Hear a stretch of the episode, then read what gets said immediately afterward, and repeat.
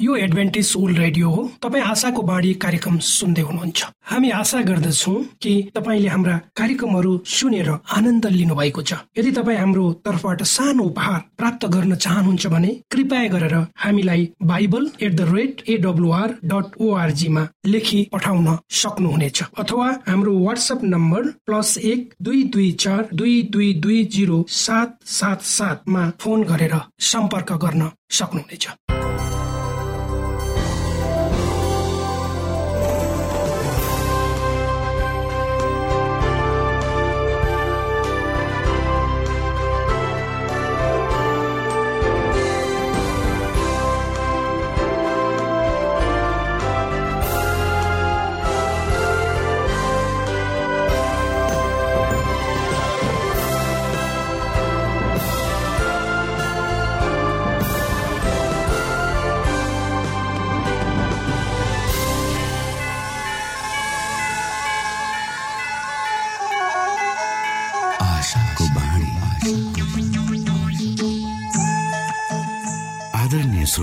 नमस्कार। यो समय तपाईँ एडभेन्टिस्ट ओल्ड रेडियोको प्रस्तुति भोइस अफ होप आशाको बाणी कार्यक्रम सुन्दै हुनुहुन्छ।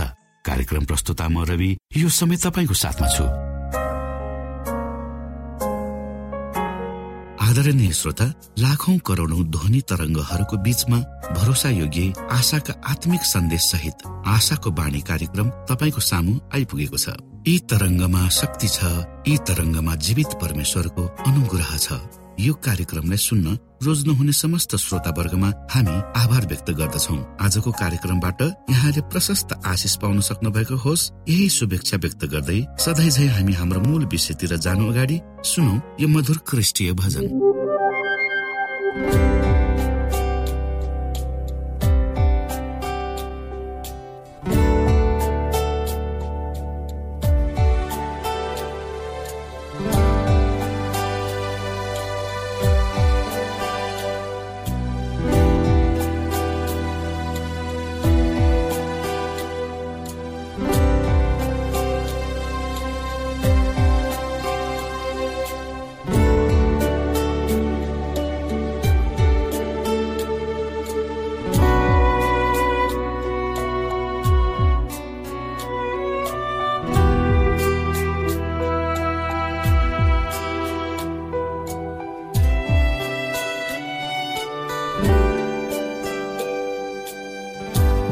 छुटेको मनलाई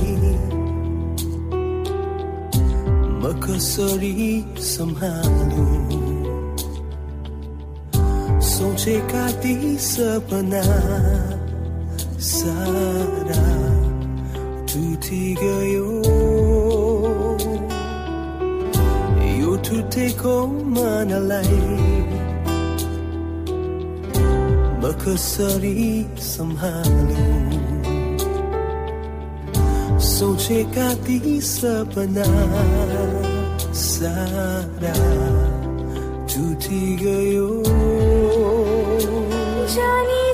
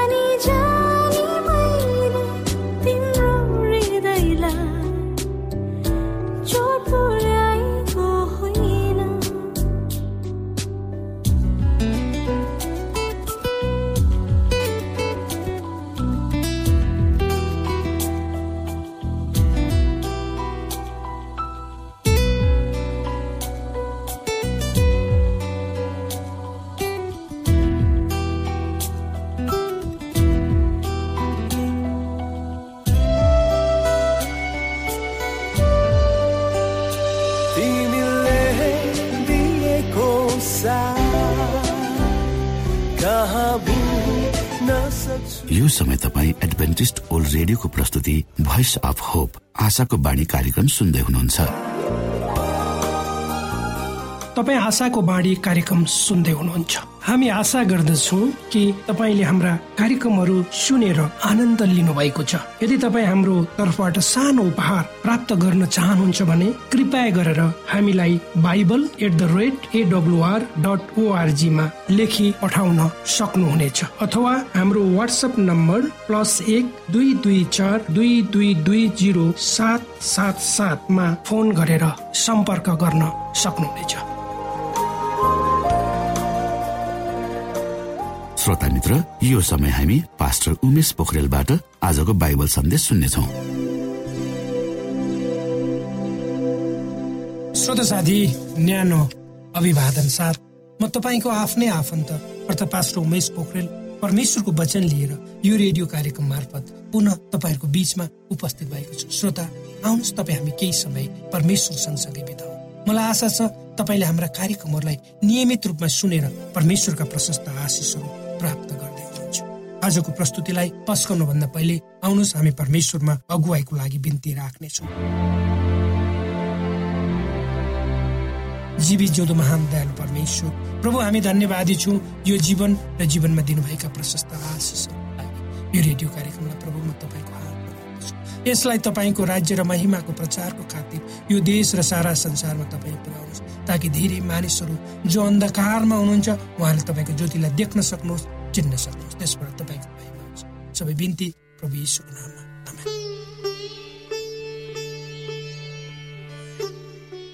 श्रोत साथी परमेश्वरले समयको पूर्णतामा आफ्नो पुत्रलाई यो संसारमा पठाउनु भयो भनेर पवित्र धर्मशास्त्र बाइबलले स्पष्ट रूपमा भनेको छ वा प्रभु यीशु क्रिस्टको विषयमा एउटै श्रीबाट व्यवस्थाको अधीनमा उहाँलाई आफ्नो पुत्रलाई परमेश्वरले संसारमा पठाउनु भयो आउनेवाला मुक्तिदाताको विषयमा अदनको बगैँचामा पहिलो प्रतिज्ञा गरिएको थियो।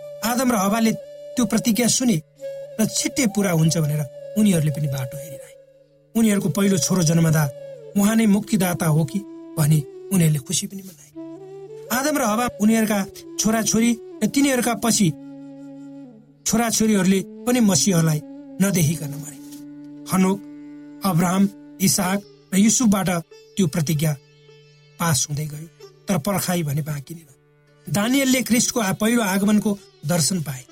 सबैले त्यसलाई बुझे शताब्दी बित्दै गयो तर पनि मुक्तिदाता नआएको देख्दा सबैले प्रतिज्ञा पूरा नहुने हो कि भनी सोच्न थाले। यसरी भूमण्डलमा निरन्तर हिँडिरहने तर नक्षत्र जस्तै परमेश्वरका योजनाहरू न त ढिलो हुन्छन् न त छिटो नै हुन्छन्। जब समयको सुई ठिक ठाउँमा पुग्छ त्यो पूर्ण हुन्छ।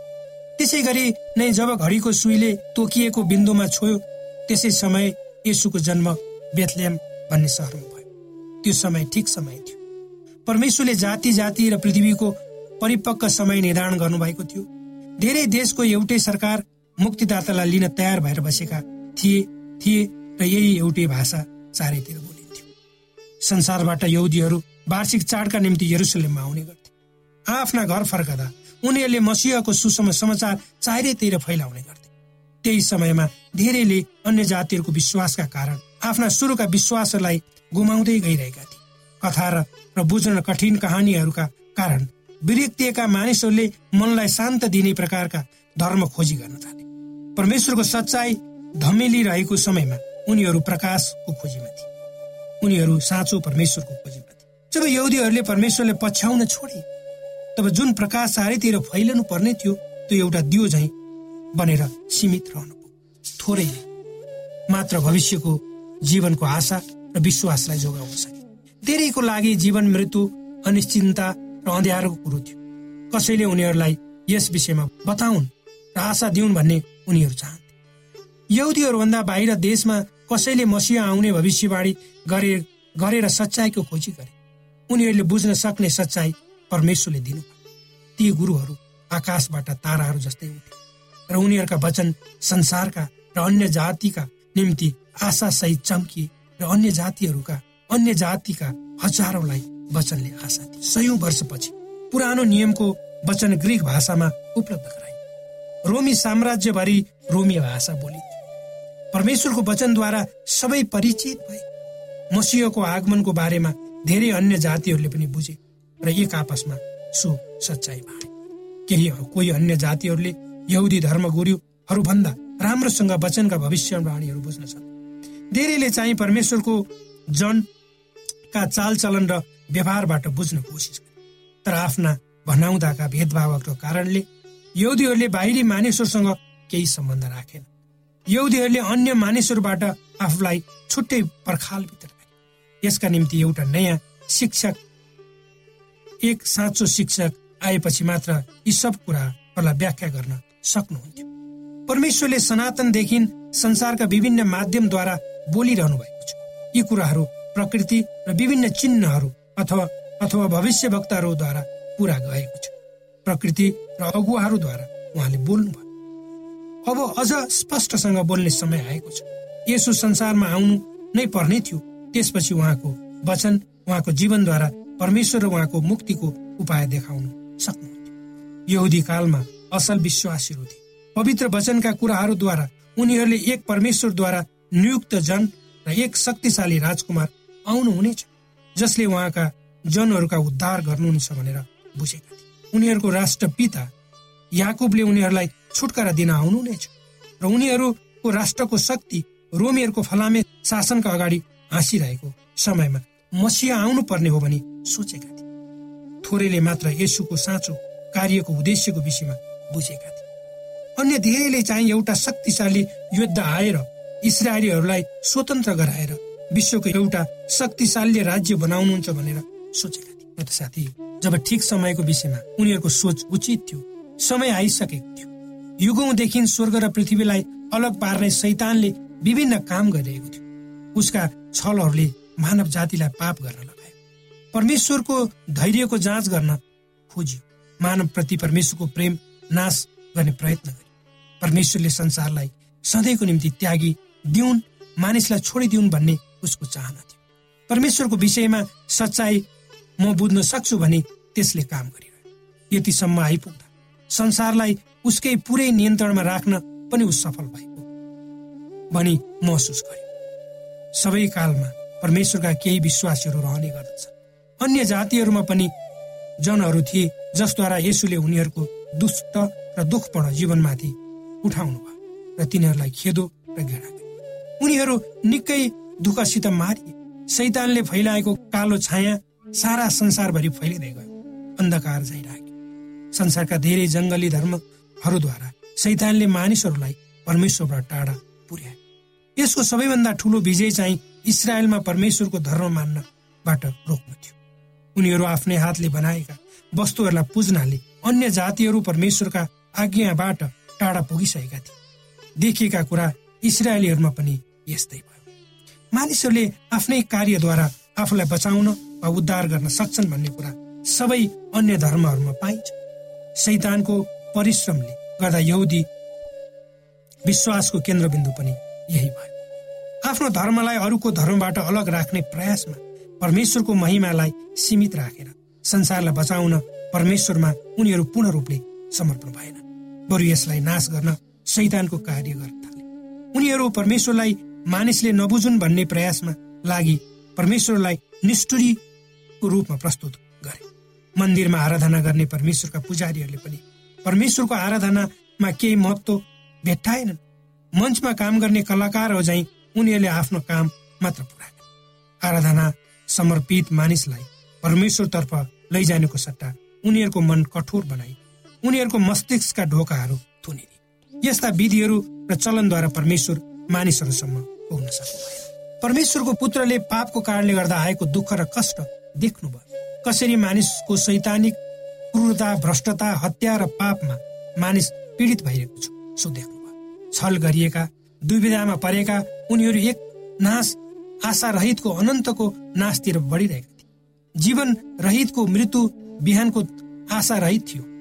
परमेश्वरको वासस्थान हुनुपर्ने मानव शरीर शैतानका घरको घर भएको अचम्मको दैवीय शक्ति कलाद्वारा मानिसको सोच र विचारहरू दूषित पारिएको थियो जसले गर्दा मानिसहरू तल्लो स्तरको कुरा गर्न थालेका थिए। मानिसको अनुहारबाट दुष्टको आँखा देखिन थाले। जब परमेश्वरले तल आफ्ना छोरा छोरीहरूलाई हेर्नुभयो उनीहरूलाई यस्तो अवस्थामा देख्नुभयो। कस्तो हृदय विधारक दृश्य पाप विज्ञान भएको र दुष्टता चाहिँ उनीहरूको धर्मको एक अंश भएको थियो। परमेश्वर बिना मानव जातिमा कुनै आशा थिएन। अरू संसारले परमेश्वरको अगाडि बढेर संसारलाई चोखो बनाउनुहुन्छ कि दुष्ट मानिसलाई नाश गर्नुहुन्छ भनेर हेर्न थाले। शैतानले पनि त्यही हेर्न थाले। स्वर्गबाट आशा राख्नेलाई जित्ने उसको योजना थियो। उसले परमेश्वरको राज्यमा क्षमादान असम्भव छ भनेर भनेको थियो। यदि मानव जातिको नाश गरिएको भए शैतान विजय भएन भन्ने थियो त्यही नै प्रमाण थियो। परमेश्वरसँग विद्रोह गर्ने ऊ ठिक समय खोजिरहेको थियो। तर परमेश्वरले संसारलाई नाश गर्नुभन्दा आफ्नो छोरो बलिदानको निम्ति पठाउनु। शैतानले चाहिँ जित्ने लागेको समयमा परमेश्वरले दया र प्रेम देखाउन यसु त्यहाँ आउनुभयो। जब ठिक समय पुरा भयो परमेश्वरले निको पार्ने दयाको कोलो बगाउनु भयो। जुन मुक्तिको योजना पूर्ण नहुन्जेलसम्म लगातार भइरहन्छ परमेश्वरले यी वचनहरूद्वारा तपाईँ र मलाई आशिष दिउन्।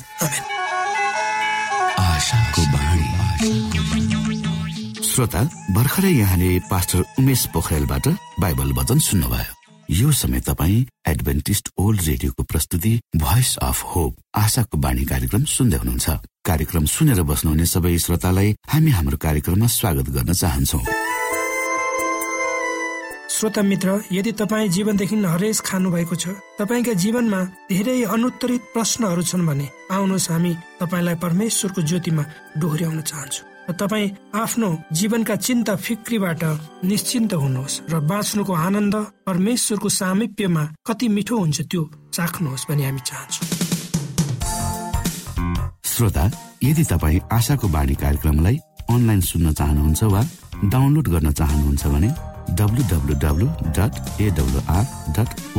जानुहोस्। त्यहाँ तपाईँले प्रत्येक दिनको कार्यक्रम सुन्न र डाउनलोड गर्न सक्नुहुनेछ। हाम्रो वेब पेज यस प्रकार छ।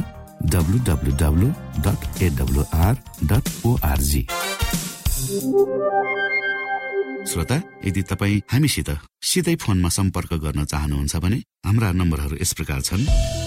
अन्ठानब्बे एकसाठी पचपन्न शून्य एक सय बिस। अन्ठानब्बे एकसाठी पचपन्न शून्य एक सय बिस र अर्को अन्ठानब्बे अठार त्रिपन्न पन्चानब्बे पचपन्न। अन्ठानब्बे अठार त्रिपन्न पन्चानब्बे पचपन्न।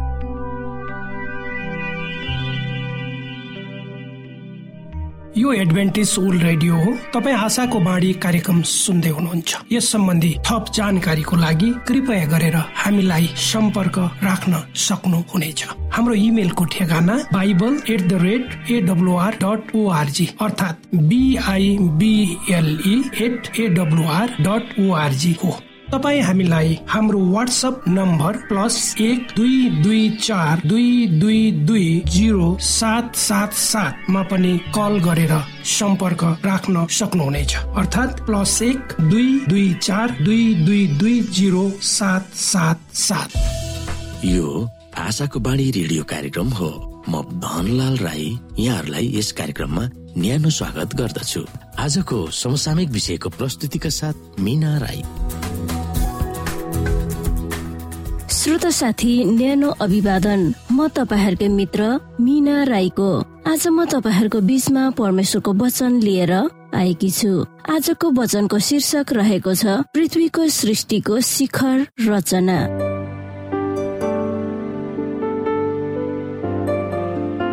श्रोत साथी उत्पत्ति एकको सत्रमा यसरी लेखिएको छ। परमेश्वरले मानिसलाई आफ्नै स्वरूपमा सृष्टि गर्नुभयो। परमेश्वरकै प्रतिरूपमा उहाँले तिनलाई सृष्टि गर्नुभयो। नर र नारी नै गरी उहाँले तिनीहरूलाई सृष्टि गर्नुभयो।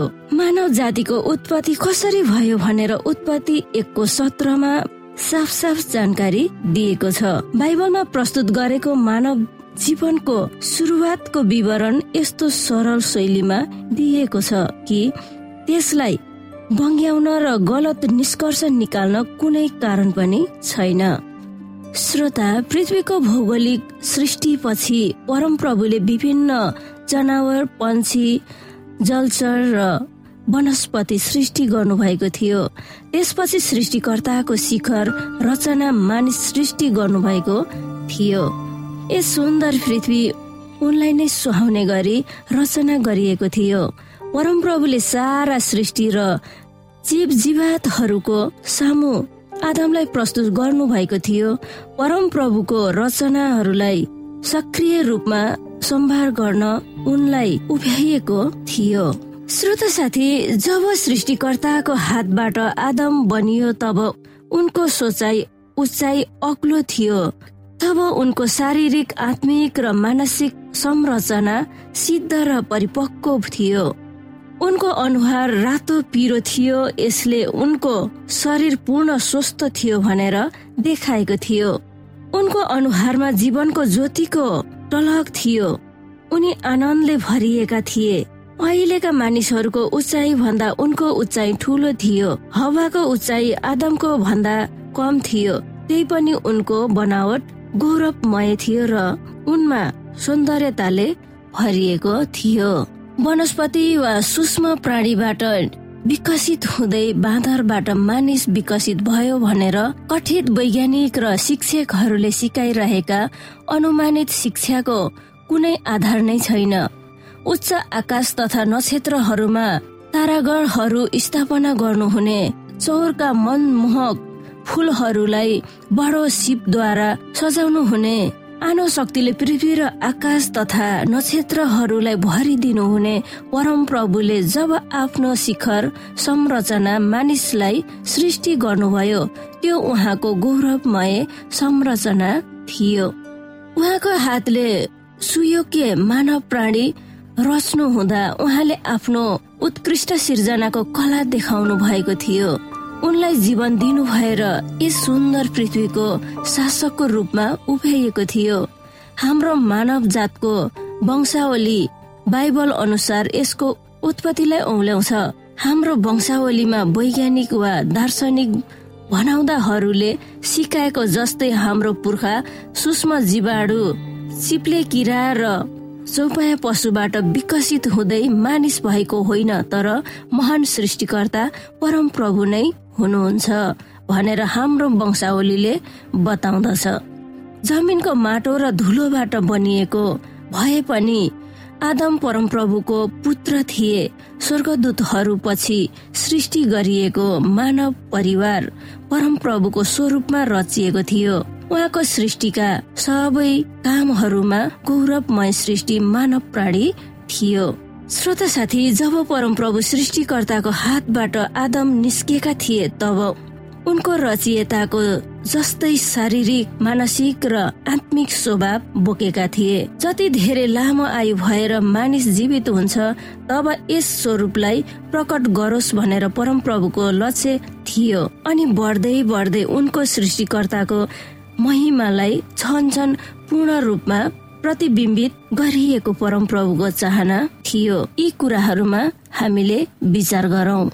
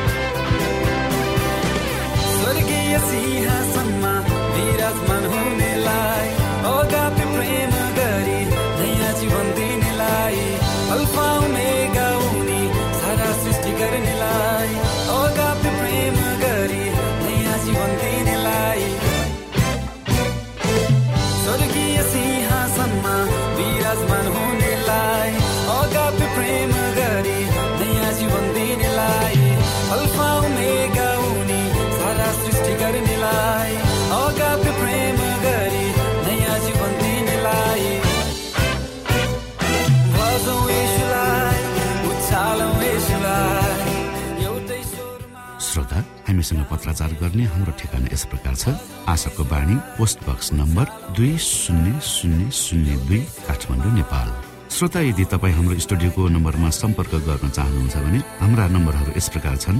अन्ठानब्बे एकसाठी पचपन्न शून्य एक सय बिस। अन्ठानब्बे एकसाठी पचपन्न शून्य एक सय बिस। र अर्को अन्ठानब्बे अठार त्रिपन्न पन्चानब्बे पचपन्न। अन्ठानब्बे अठार त्रिपन्न पन्चानब्बे पचपन्न। हाम्रो इमेल एड्रेस यस प्रकार छ Nepal at AWR dot ORG यदि तपाईँ हामीलाई अनलाइन सुन्न चाहनुहुन्छ वा डाउनलोड गर्न चाहनुहुन्छ भने तपाईँ W W W dot AWR dot ओआरजीमा जानुहोस् र त्यहाँ तपाईँले हाम्रो सबै कार्यक्रमहरू सुन्न सक्नुहुनेछ। हवस् त श्रोता भोलि फेरि यही स्टेशन र यही समयमा यहाँसँग भेट्ने आशा राख्दै प्राविधिक साथी राजेश आडा पास्टर उमेश पोखरेल र कार्यक्रम प्रस्तुता म रवि यहाँसँग विदा माग्दछौ। नमस्कार।